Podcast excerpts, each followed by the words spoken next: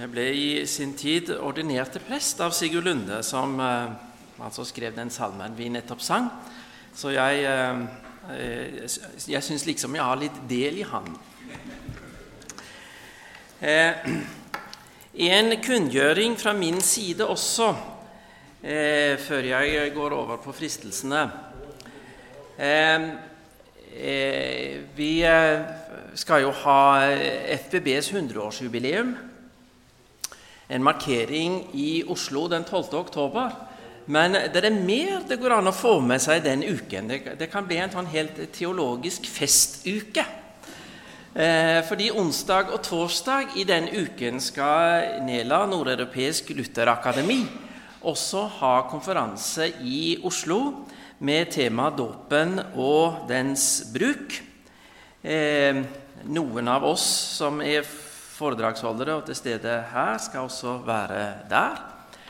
Eh, og Det ligger en folder om denne konferansen på Den ligger vel kanskje på FBB-bordet, eh, tror jeg, ute i, i eh, gangen. Så ta med den og se på det, og kom på eh, Kom ikke bare på FBB-jubileet, men kom også på den, de som har anledning onsdag og torsdag i Oslo denne uken, på Nelas konferanse, så kan vi få en skikkelig teologisk festuke i, eh, i Oslo. La oss be. Takk, himmelske Far, for det vi har fått på så mange vis gjennom eh, disse dagene allerede.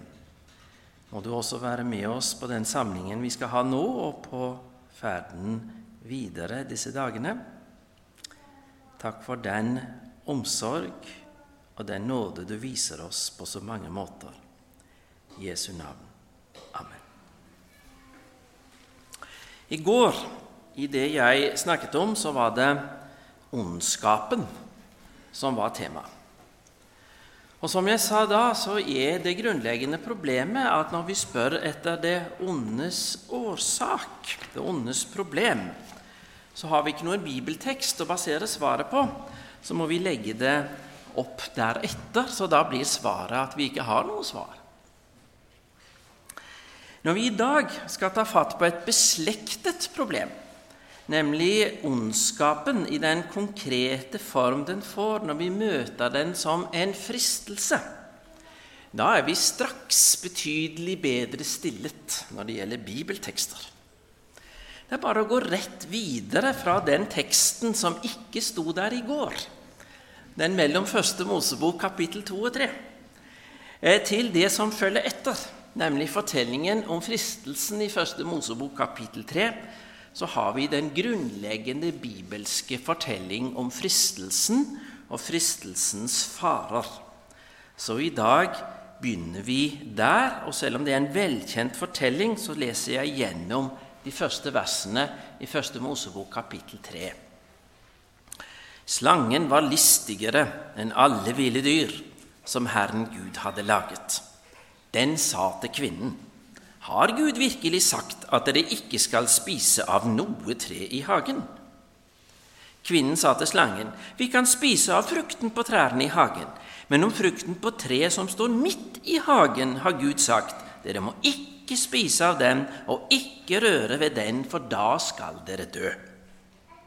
Da sa slangen til kvinnen, dere skal slett ikke dø. Men Gud vet at den dagen dere spiser av den, vil øynene deres bli åpnet, og dere vil bli som Gud og kjenne godt og ondt. Nå fikk kvinnen se at treet var godt å spise av og en lyst for øyet, et forlokkende tre, siden det kunne gi innsikt. Så tok hun av frukten og spiste. Hun ga også til mannen sin som var sammen med henne, og han spiste. Da ble øynene deres åpnet, og de skjønte at de var nakne. De flettet sammen fikenblader og bandt dem om livet. Slik står det skrevet. Fristelsesfortellingen den begynner med slangens spørsmål til kvinnen. Har Gud virkelig sagt? Det er typisk, for fristelsen begynner alltid der. En fristelse har nemlig alltid med vårt gudsforhold å gjøre. Har det ikke med Gud og vårt gudsforhold å gjøre, så er det ingen fristelse, men da er det noe annet, og det trenger ikke oppta oss nå. Vårt forhold til Gud innebærer nemlig elementer av forpliktelse. Det er mange andre elementer enn det. Nåde, gave, glede, takknemlighet, for å nevne noe som vi også har blitt minnet om i foredrag tidligere i dag. Men det er også et element av forpliktelse. Og dermed også en mulighet for å ønske seg ut av den forpliktelsen. Og det er det vi kaller fristelse. Den forpliktelsen som Gud hadde stilt de første menneskene under, den var det nokså enkelt å sammenfatte. Han hadde sagt 'spis fritt av alle trær i hagen', med ett unntak. Det var hele Guds lov, slik den var åpenbart for de første menneskene. Nokså enkle greier, egentlig. Burde tro at det skulle være en overkommelig oppgave å forholde seg til det der. Guds lov foreligger i en litt annen form for oss. Men den er egentlig ikke så veldig mye mer komplisert i den formen som vi har fått den, i hvert fall ikke sånn intellektuelt sett. Vi har fått den i form av det dobbelte kjærlighetsbudet. Du skal elske Herren din Gud av hele ditt hjerte, av hele din sjel, over all din forstand. Og du skal elske de neste som deg selv. Det er et grunnleggende bud. Sammenfatningen. Jeg spør av til studentene mine hvor står det Og det, De vet av erfaring at det bør de kunne svare på. Matteus kapittel 22. Det er nokså enkelt, rett fram. Greit forståelig, det også. Gud, som er vårt opphav, skal ha all vår kjærlighet, tillit og lojalitet. Det er det grunnleggende.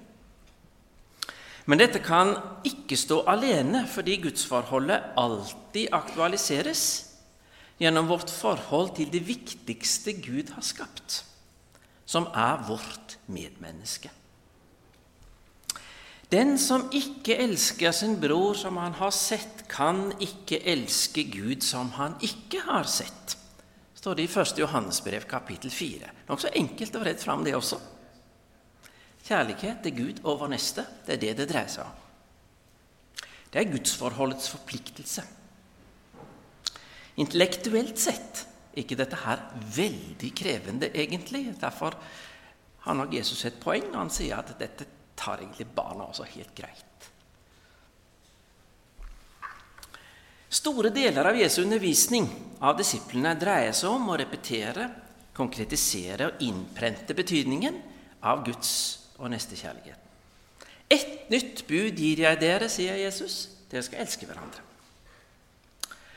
Utleggelsen av dette budet i Jesu undervisning ligger stort sett på et forholdsvis generelt plan slik at konkretiseringen overlates til oss.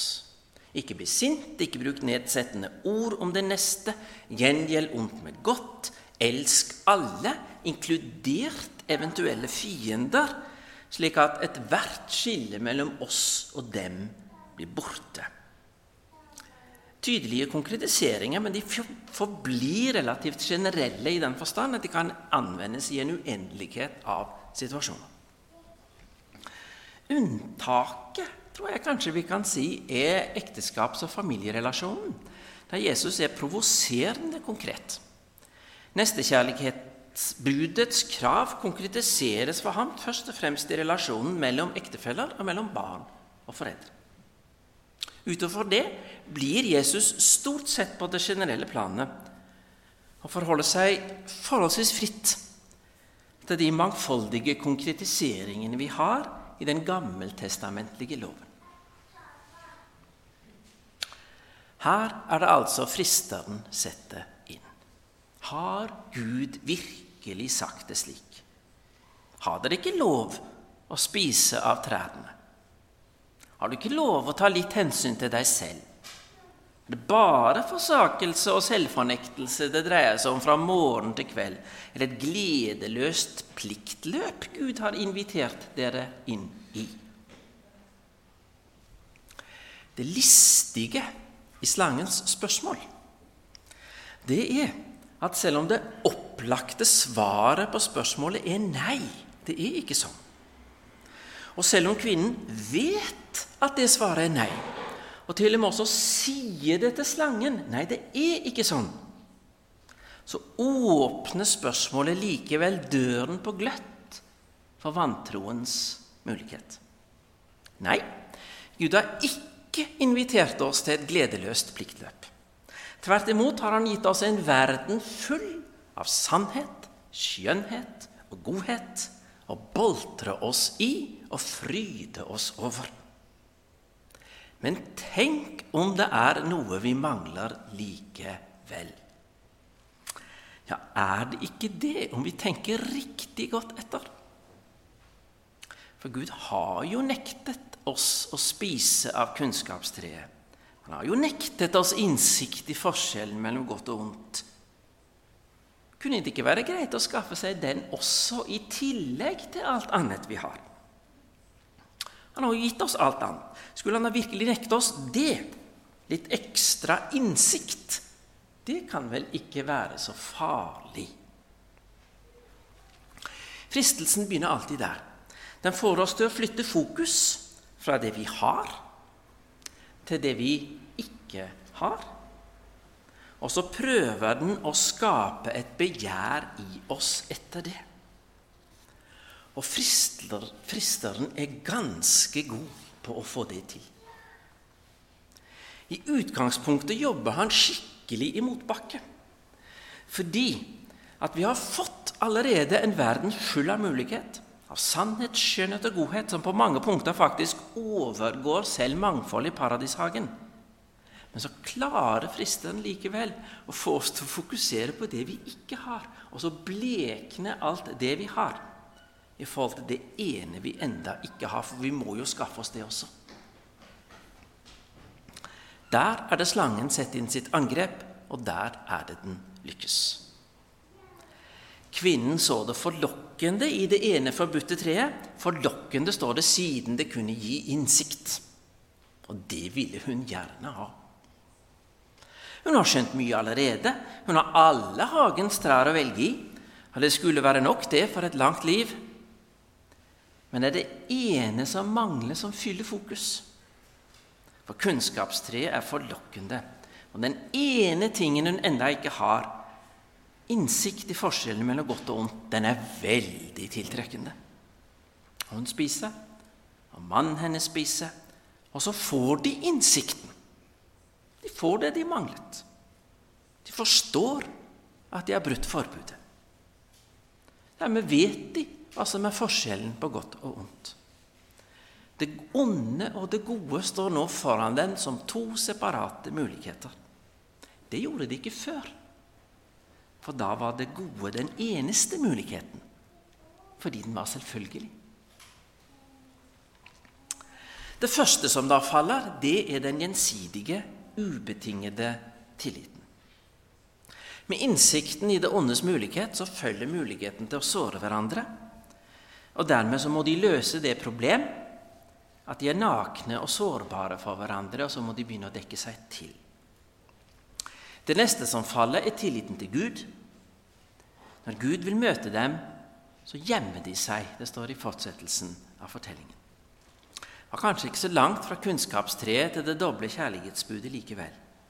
Før de spiste av treet, så var det dobbelte kjærlighetsbudet rammen om den verden de befant seg i. Det var ikke nødvendig å spesifisere det som et bud, for det fantes ikke andre livsmuligheter. De kunne fritt gjøre som de ville, for alle muligheter var uansett gode. Nå har de brutt forbudet, de har falt ut av rammen. Og verden utenfor det dobbelte kjærlighetsbudets virkelighet åpenbarer seg for dem.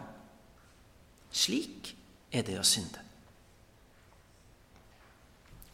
Problemet med å falle i fristelse er nemlig at han kan risikere å få det en begjærer, og så må en leve med konsekvensene. Begjærer du din nestes rikdom og posisjon, kan du risikere å få den. Og da må du ta de strev og de bekymringer som følger med. Begjærer du din nestes ektefelle, kan du risikere å få henne. Også da må du leve med konsekvensene, og de kan være ganske alvorlige. Begjærer du innsikt i det onde, så får du det. Og du kan aldri legge den fra deg igjen. Den som fristes og faller, får alltid ny innsikt i det onde. Det onde, altså det som ikke er forankret i tillit til Gud og kjærlighet til vår neste, men i vår egen ambisjon om å finne vår vei i livet, blir en realitet for oss. Det gjør at vi faller i fristelse igjen og igjen. Det onde er blitt vår vei, og derfor velger vi den om igjen. Vi kunne kanskje tenke oss at erfaringen fra det onde skulle være avskrekkende, slik at når vi én gang hadde valgt den, så skyndte vi oss tilbake til det gode igjen. Men det er ikke slik det er. En brutt tillitsrelasjon lar seg ikke uten videre gjenopprette. Innsikten i det onde lar seg ikke legge bort. Vi kan ikke avinnsikte den. Kunnskapstreet er like forlokkende som det alltid har vært. Vi fristes, og vi faller igjen. Målsettingen for Jesu tjeneste er å få oss ut av denne situasjonen. Målsettingen for Jesu tjeneste er intet mindre enn dette.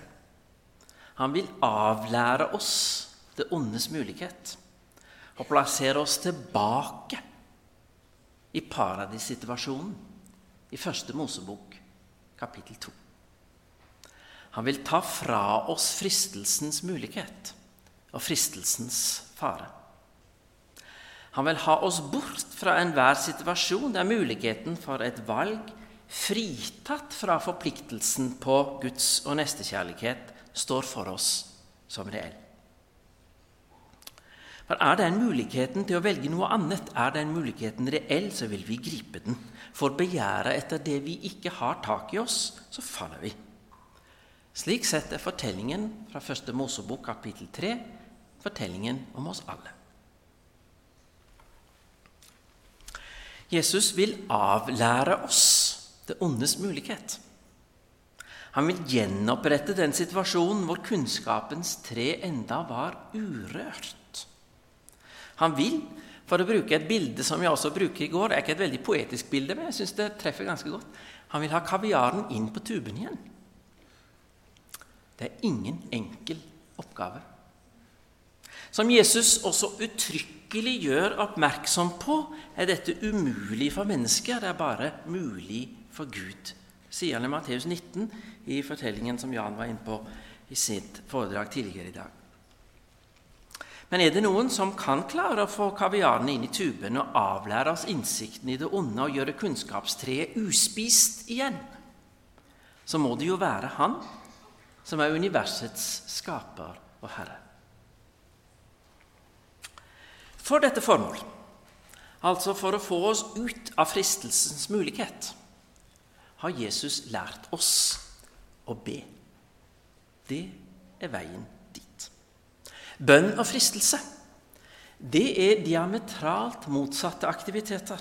I hvert fall om vi holder oss til hvordan Jesus lærte oss å be. For altså bønn kan misbrukes men Jesus lærte oss å be slik at vi ber rett. Når vi fristes, er vi på jakt etter muligheter for å finne vår egen vei, fritatt fra forpliktelsen til kjærlighet til Gud og vår neste. Og da kan resultatet bli så mangt. Når vi ber, derimot, utsettes vi for bestråling av guddommelig kjærlighet. I stedet for å rette våre øyne mot det forlokkende ved kunnskapstreet, retter vi den da mot verden slik Gud har gitt oss den, og lar oss omforme og nyskape av Guds egen virkelighet. Eller kanskje vi heller skulle si vi utsettes for Guds blikk og nyskapes av det. I samme grad som det skjer, forsvinner fristelsens mulighet fra vår livshorisont. Vi forholder oss ofte til fristelsene som om Jesus lærte oss å be. Gi oss kraft til å motstå fristelser. Men det var ikke slik Jesus lærte oss å be. I den bønnen, som vi kan ganske godt alle sammen, så lærte han oss å be slik til vår himmelske Far. Led oss ikke inn i fristelse. La oss ikke komme i fristelse. Ta fristelsens fare bort fra oss. Steng ondskapens vei som en mulighet for vårt indre blikk. Ta kunnskapen om det onde bort fra oss, slik at godheten med troens selvfølgelighet igjen blir rammen som livet i sin helhet befinner seg innenfor. Sett oss tilbake i paradishagen, hvor vi fritt kan spise av alle trærne. Gi oss igjen troens trygghet i møte med alle livets goder, slik at vi fritt kan forsyne oss av dem, uten å frykte at resultatet blir mistillit og egoisme. Slik var det Jesus lærte oss å be. Paulus skjønte hva dette dreide seg om. Han gjorde ofte det. Derfor er det han oppmuntrer oss til å be alltid, slik det står i Efeserbrevet kapittel 6. For i den som ber slik Jesus lærte oss å be, så har ikke fristelsen noe rom. Fristelse og bønn er konkurrerende aktiviteter. Og der det ene får rom, må det andre ut. Synden starter alltid i vantro.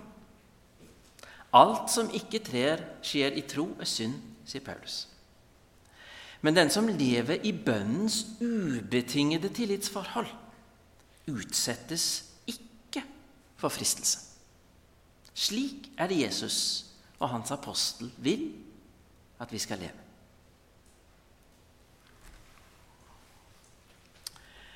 Men er det mulig å leve et liv uten fristelser?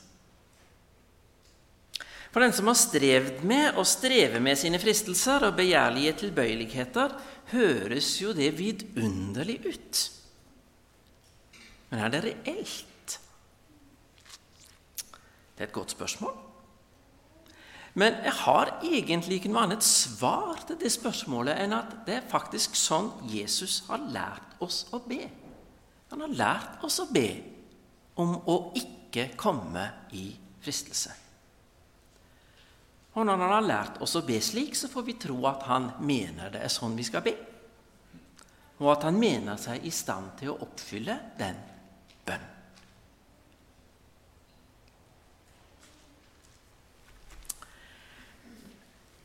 Men levde Jesus etter dette selv, da? Kan vi spørre. Forteller ikke evangeliene at Jesus selv ble utsatt for fristelser? Både i begynnelsen og i slutten av sin tjeneste.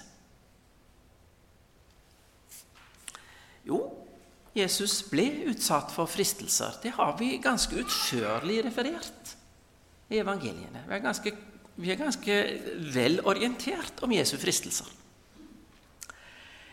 Men fordi han levde i den virkelighet han lærte sine disipler å praktisere gjennom bønn, så kunne han vise oss også hvordan de skal møtes på en slik måte at de forsvinner som en reell prøvelse.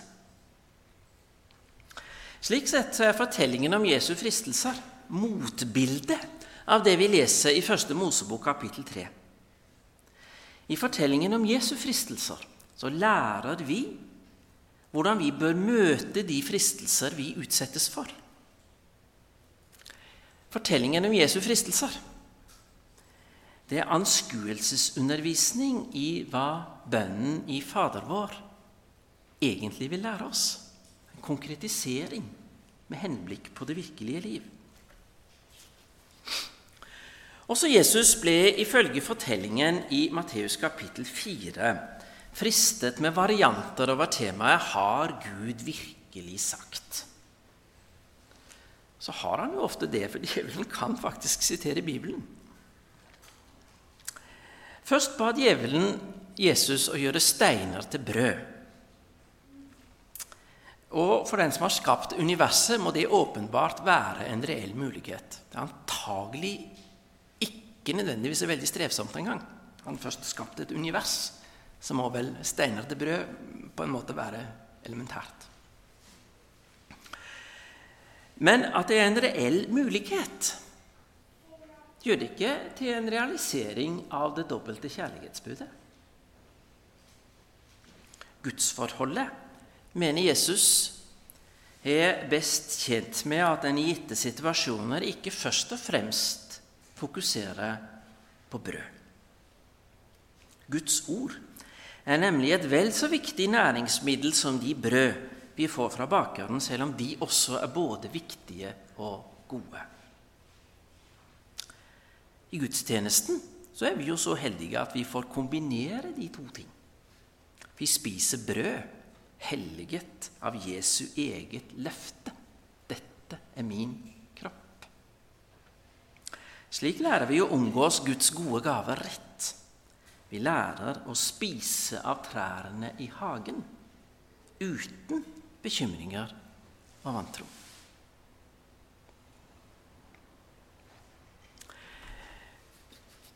I neste fristelse så siterer djevelen Bibelen direkte, og han siterer til og med helt korrekt. Han siterer fra Salme 91, vers 12.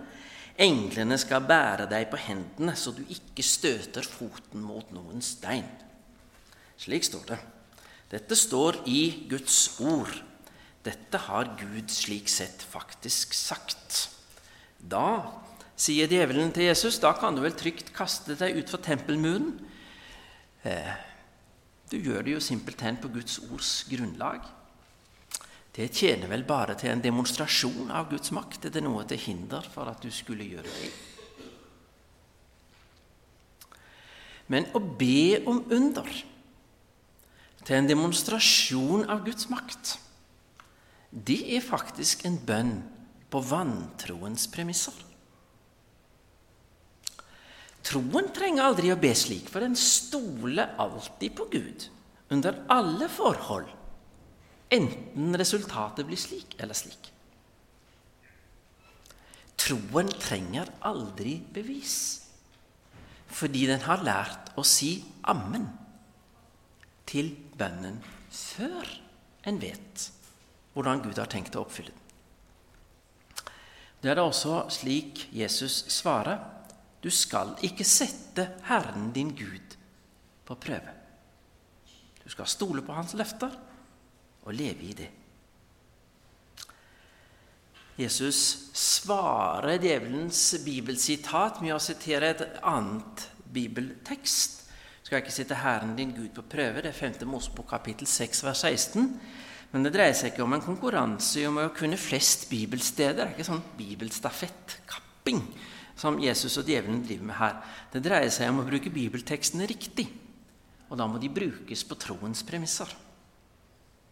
Og fordi troen hviler i tilliten til at Guds vei alltid er den beste. Det Herren gjør, er alltid godt, som det sto i den salmen av Alfred Hauge som jeg siterte i går.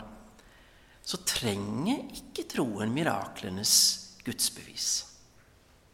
For de fungerer på fristelsens, vantroens og syndens premisser. For Jesus er derfor denne fristelsen ikke reell. Djevelens grep er her så enkelt at for den som lever i bønnens verden, har en så elementær fristelse ikke reell makt.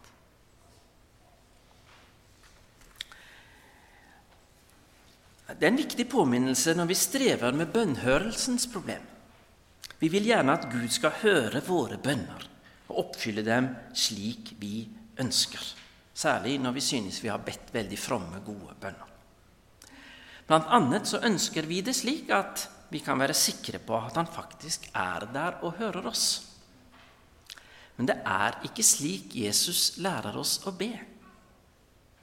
Jesus lærer oss først å legge alt fram for Gud. Og så lærer han oss å si amen. Det betyr jeg er viss på Gud, at det jeg nå har bedt om, og som er etter din vilje, det vil du. Det er det vi sier når vi sier amen.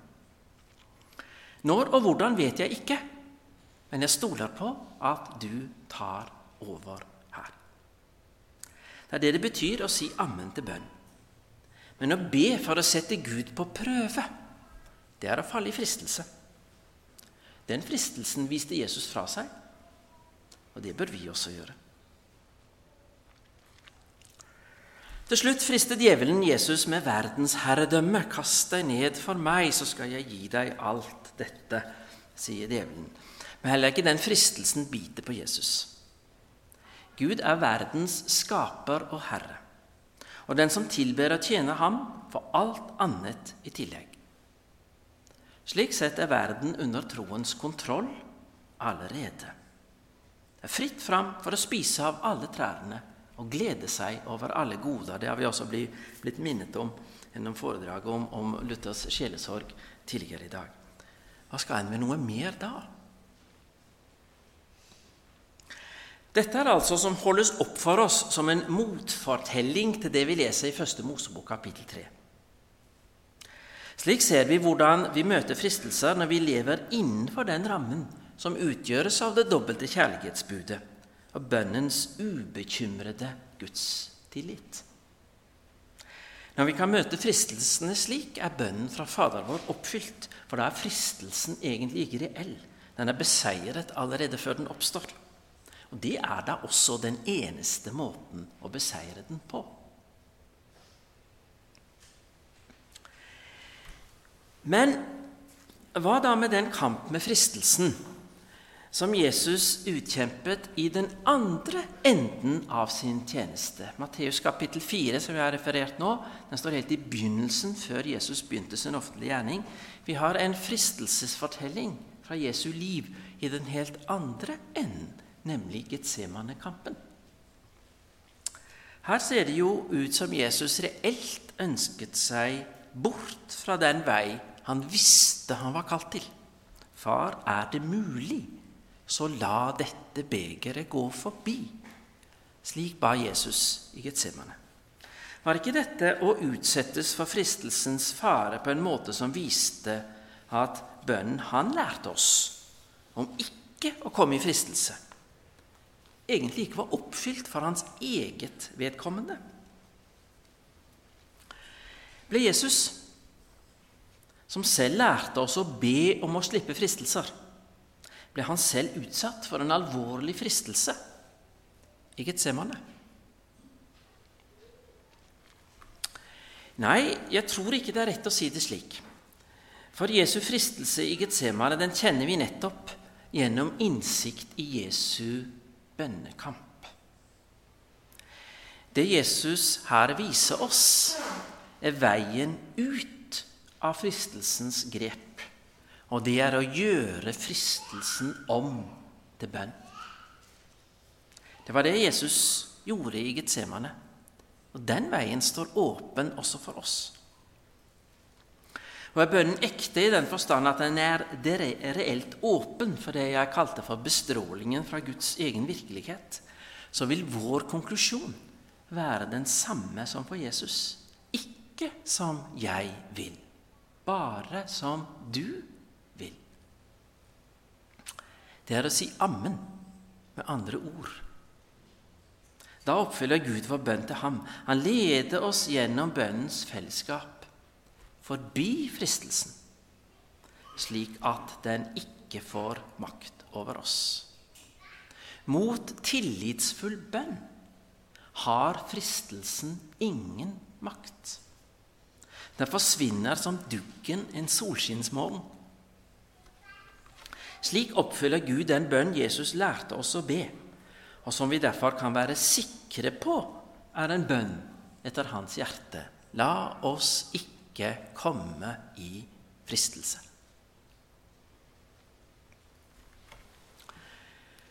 Veien ut av fristelsen det er den samme, altså å omgjøre fristelsen til bønn. Bønn har samme virkning på fristelser som solen på trollet. De sprekker og mister sin makt. Ikke som jeg vil, men som du vil. Det er en bønn med en forunderlig makt i seg. Jesus gikk videre på veien mot korset i kraft av den bønnen. Den utfordringen slipper vi. Vi kalles ikke til å gå til korset for å sone for all verdens synd. Men bønnen hjelper like godt overfor de fristelsene vi står overfor. Den er testet i bruk av Guds egen sønn.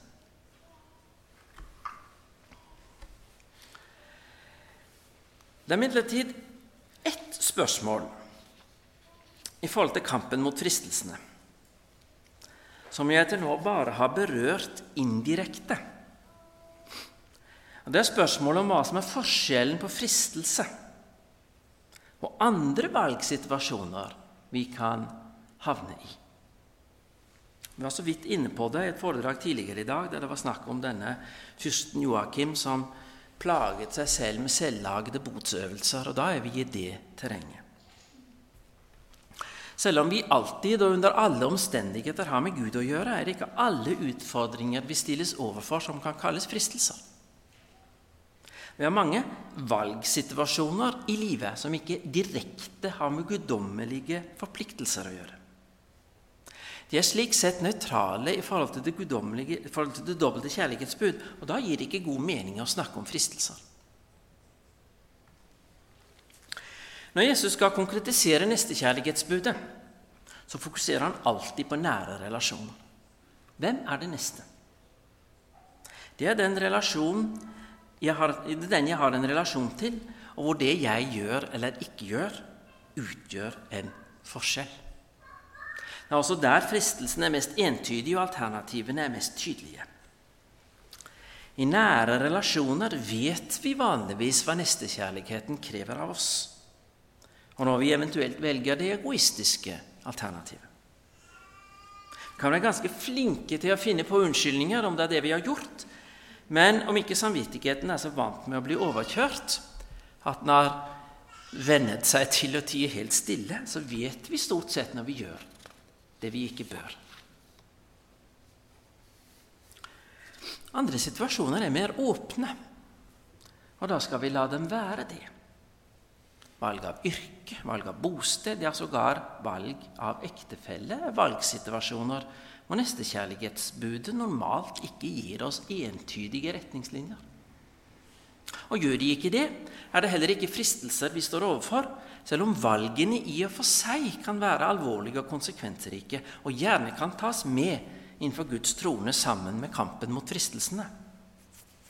Men den overordnede forpliktelsen som gjelder under alle forhold, det å behandle ektefelle, barn, foreldre, kolleger, naboer, venner i samsvar med nestekjærlighetsbudet, helt uavhengig av hvem det er, alltid og under alle forhold, den forpliktelsen er absolutt og uten unntak. Det problemet som oppstår når vi gjør relative forpliktelser absolutte, det kaller vi gjerne, vi teologer som er glad i greske fremmedord, vi kaller det for adiafora-problemet. For adiafora, eller entall adiaforan, betyr de ting som ikke gjør en forskjell. Og gjør de ikke det, så skal vi ikke gjøre dem viktigere enn det de er. Paulus' eksempel er kjøtt som er ofret til avguder. Kan kristne spise det? Det diskuterer Paulus relativt inngående. Gjør som dere vil, sier Paulus, så sant dere gjør det med tro og i takknemlighet til Gud, som lar dere spise av alle trærne og av alle dyrene. Det er et enkelt råd, men det er ikke alltid så enkelt å følge det i praksis. For det ligger en dobbelt fare her, og Kirkens historie er et rikt utvalg på eksempler på feiltrinn i begge retninger. Vi kan komme til å gjøre adiafora-problemet til reelle, til absolutte bud. Og vi kan komme til å gjøre absolutte bud til adiafora-problemer. Men jeg tror begge deler er forholdsvis lett å unngå og man er villig til å lese Det nye testamentet oppmerksomt.